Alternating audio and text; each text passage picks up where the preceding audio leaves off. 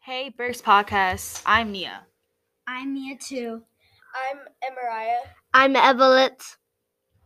Welcome to podcast. Today we'll be talking about the book I Will Surprise My Friend by Mel Williams. Who doesn't love Elephant and Piggy? That's right, they are awesome.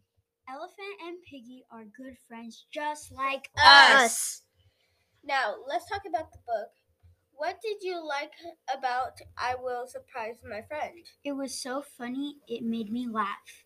Especially the end, when Elephant said, Next time, let's play tag, and Piggy said, Deal.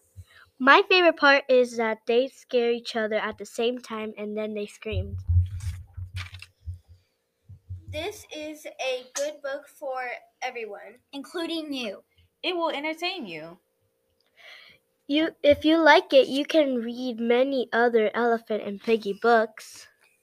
Like, can I play too? You can find many Mo Williams books in the E section of the Burks Library everywhere. Next time you come to the library, make sure to get I Will Surprise My Friend by Mel Williams. Have a great day. Thanks for listening.